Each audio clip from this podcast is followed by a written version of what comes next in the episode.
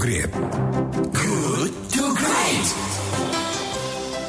107,1 Kelight FM Bandung Inspiring Sound dan sahabat Kelight terima kasih Anda masih bersama kami di Good to Great because good is the enemy of great dan kini saatnya seperti biasa saya mengajak Anda untuk memasuki sesi diskusi dan kita akan membahas tema tentang bagaimana mengakselerasi penurunan angka perkawinan usia anak.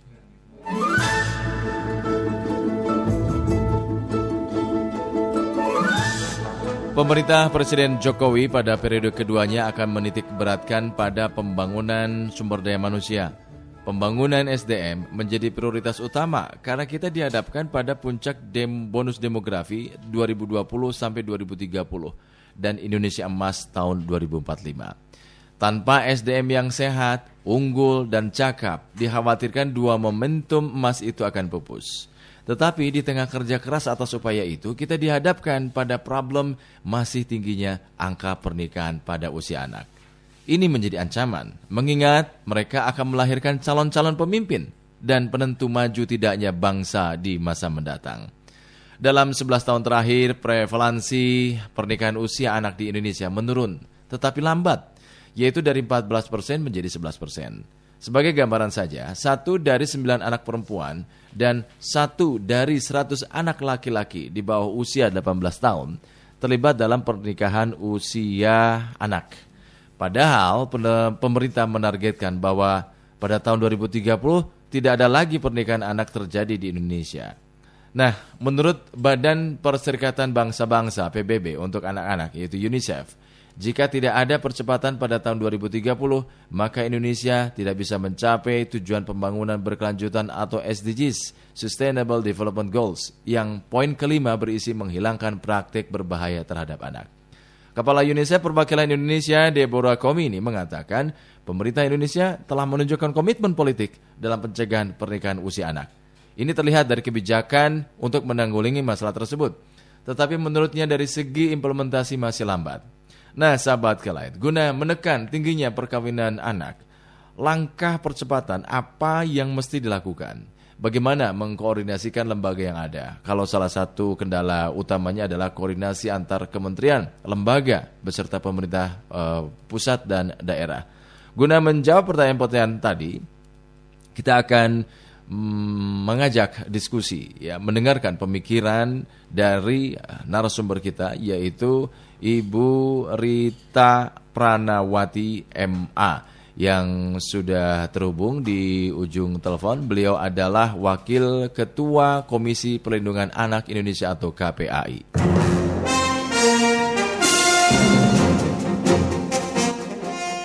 Selamat pagi Bu Rita. Selamat pagi Iya, apa kabar Bu Rita? Baik. Bu Rita, 11 tahun terakhir angka perkawinan usia anak hanya turun 3 persen. Dari 14 persen menjadi 11 persen. Jadi dibutuhkan upaya percepatan ini untuk mencapai target maksimal 6 persen pada 2030. Bagaimana KPAI melihat persoalan ini, Bu Rita?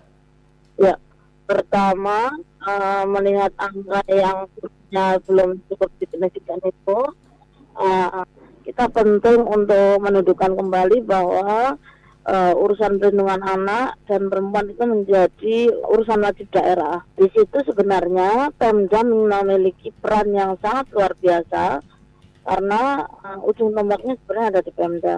Hmm. Tapi jangan lupa bahwa uh, untuk mencegah terjadinya perkawinan usia anak itu yang paling menjadi ujung tombak adalah desa sebenarnya. Desa. Karena di situ desa. Hmm. Karena sebenarnya kalau uh, ada perkawinan pasti yang tahu itu tokoh agama, tokoh masyarakat dan uh, lurah lah ya eh, kira-kira seperti itu hmm. RT RW dan seterusnya yang di bawah lurah. Apakah itu bisa dibilang bahwa perkawinan anak itu lebih banyak terjadi di desa dibandingkan dengan perkotaan? Tidak juga, maksud saya ini adalah institusi pemerintahan gitu ya, okay, okay. Uh, yang ada sampai di level paling bawah. Hmm. Nah, jangan lupa juga bahwa uh, dari angka yang tadi disebutkan Mas Ijul itu kan angka prevalensi. Yeah.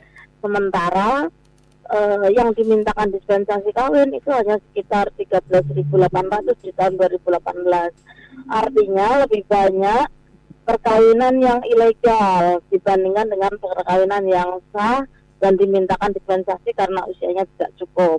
Hmm. Nah, di situ makanya saya tadi mengatakan uh, ujung tombaknya itu ada di desa. Karena pasti kalau orang mengawinkan pasti akan mengundang tetangga dan seterusnya. Hmm. Di situlah uh, pendidikan uh, tokoh agama, tokoh masyarakat dan uh, lurah desa dan perangkatnya itu menjadi penting untuk mencegah. Jadi kalau programnya itu hanya sampai di kabupaten itu masih melewati kecamatan dan sesungguhnya ujung tombaknya adalah di desa. Hmm. Uh, itu menurut saya satu. Yang kedua sebenarnya uh, kalau terkait dengan tadi uh, karena ada kenaikan usia perkawinan ke 19 itu baguslah ya karena kan berarti uh, lepas dari usia anak. Nah uh, kalau kemudian dimintakan dispensasi Mahkamah Agung sudah mengeluarkan Perma nomor 5 tahun 2019 tentang mengadili dispensasi uh, mengadili perkara dispensasi kawin. Di situ sebenarnya uh, apa namanya uh, sudah ada aturan yang rigid bagaimana mengadili uh, permohonan dispensasi kawin. Nah, uh, yang penting lagi adalah bagaimana Mahkamah Agung juga melatih para hakim uh, memiliki perspektif perlindungan anak. Kalau dulu di uh, survei kami, IPC, KPAI dan stakeholder itu kan menyebutkan sebenarnya uh, banyak anak yang juga tidak dihadirkan ke pengadilan dalam konteks permohonan dispensasi. Hmm. Padahal sebenarnya uh, mereka sangat penting ya uh, untuk didengarkan pendapatnya. Dan di situ sebenarnya kalaupun terjadi perkara anak akan ada pemastian hak pendidikan dan seterusnya. Tapi untuk SDM unggul tentu pendidikan menjadi kunci. Memperpanjang usia pendidikan juga akan mencegah terjadinya perkawinan anak. Nah, uh, lanjut ke proses persidangan, kita mendorong tadi angka-angka yang uh, terjadinya perkawinan siri, apa kendalanya uh, kok nggak mau ke pengadilan? Sebenarnya saat ini sudah sangat ketat karena ada simkah ya, hmm. simkahnya Kemendagri dan Kementerian Agama. Begitu usianya di bawah uh, 19 kali ini ya berdasarkan undang-undang itu mereka akan otomatis tidak bisa menikah kecuali dimintakan dispensasi. Hmm. Itu kita mendorong agar terjadi formalisasi perkawinan usia anak. Jadi angkanya nggak lagi prevalensi ya mas, tapi hmm. angka real. Hmm. Nah kendalanya apa orang nggak mau mengajukan uh, perkara dispensasi? Yeah. Biaya, waktu. Nah di situlah sebenarnya uh, negara harus berpikir untuk membebaskan biaya dispensasi kawin di pengadilan, sehingga kita jauh lebih uh, bisa mengontrol sebenarnya hmm. Uh, terjadinya perkawinan sehingga dampak-dampaknya dapat dikurangi. Sebelum Dan selain, ya sebelum jauh lebih jauh lagi ya nih Bu uh, Rita, sebetulnya apa yang terjadi uh, angka perkawinan usia anak ini masih ada di kisaran uh, apa 11 persen gitu loh. Kenapa ini masih terjadi itu? Ya, di antaranya juga karena uh, wajib belajar itu sebenarnya belum 9 tahun seutuhnya. Hmm. Kalau kita bisa memperpanjang jadi 12 tahun, anak tuh nggak akan kawin di situ. Hmm. Uh, itu itu salah satunya. Yang kedua, pandangan masyarakat saya kira kultur gitu ya dan uh, budaya itu uh, memiliki signifikansi kontribusi uh, uh, terhadap terjadinya perkawinan usia anak. Karena kan kadang-kadang orang tua bilang ini nggak mau ah kalau udah dilamar Pak Mali kalau kemudian menolak gitu. Hmm, hmm. Nah, padahal kan sebenarnya masa iya nanti anak akan mengasuh anak gitu. Dia belum siap kemudian dia harus mengasuh anak gitu. Itu kan hmm. uh, situasi yang tadi kalau SDM itu nggak akan tercapai. Dia masih senang-senang main-main. Hmm uh, memang dunia anak begitu tapi kemudian dikawinkan. Bu Rita dari uh, usia apa uh, perkawinan usia anak ini uh, menjadi dari 16 tahun menjadi 19 tahun. Usia 19 tahun apakah sudah uh, sehat sudah aman untuk seorang perempuan menikah gitu? Sebenarnya idealnya 21 tahun di Undang-Undang Perkawinan, kemudian BKKBN itu hmm. menyebutnya 21 tahun. Hmm. Yang di bawah 21 ke 19 sampai 21 itu yang meminta izin orang tua karena kan tetap perlu pendampingan sebenarnya bagaimana. Mm-hmm. Kemudian di bawah 19 yang dispensasi. Di situ sebenarnya uh, apa namanya fungsi pemerintah harus berjalan bimbingan perkawinan mm-hmm. ya uh, itu juga menjadi bagian yang apa namanya harus digiatkan karena ya uh, setiap perkawinan kan uh, memang harus disiapkan, uh, bukan kemudian dilepas begitu saja. Bagian mana dari upaya yang dilakukan pemerintah yang belum uh, optimal menurut Anda, Bu Rita? Kalau di bimbingan perkawinan itu sebenarnya sudah berjalan meskipun angkanya masih kecil. Jadi ini menjadi penting untuk dikuatkan. Yang kedua saya tadi soal sekolah. Saya kira sekolah itu uh, pemerintah daerah harus punya komitmen wajib belajar 12 tahun. Hmm. Itu pasti akan otomatis mengurangi perkawinan anak.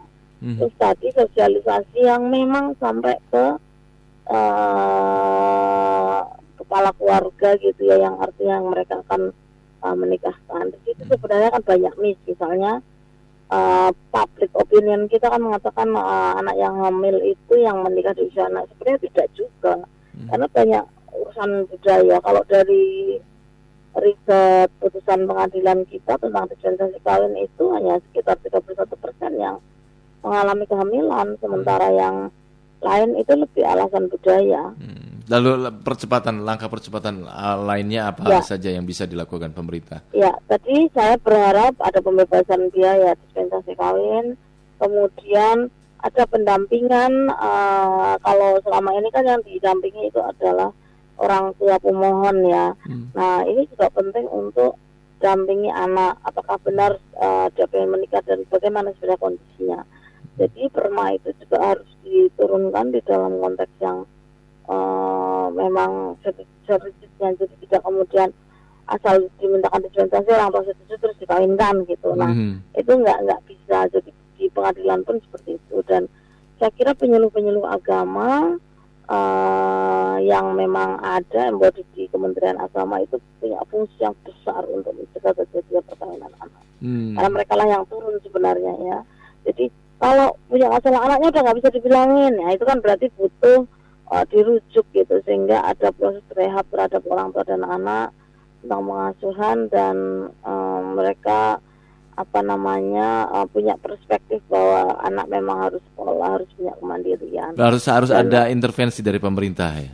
Betul saya kira sampai ke level yang paling uh, kecil yaitu keluarga termasuk anak-anak di sekolah juga harus disupport menurut saya hmm. jadi anak-anak di penting buru-buru punya sensitivitas kalau anak ini enggak lama nggak masuk itu hmm. penting untuk ditanya misalnya jangan-jangan dia uh, menikah di usia anak terutama yang ada di rural ya uh, hmm. uh, di daerah pedesaan.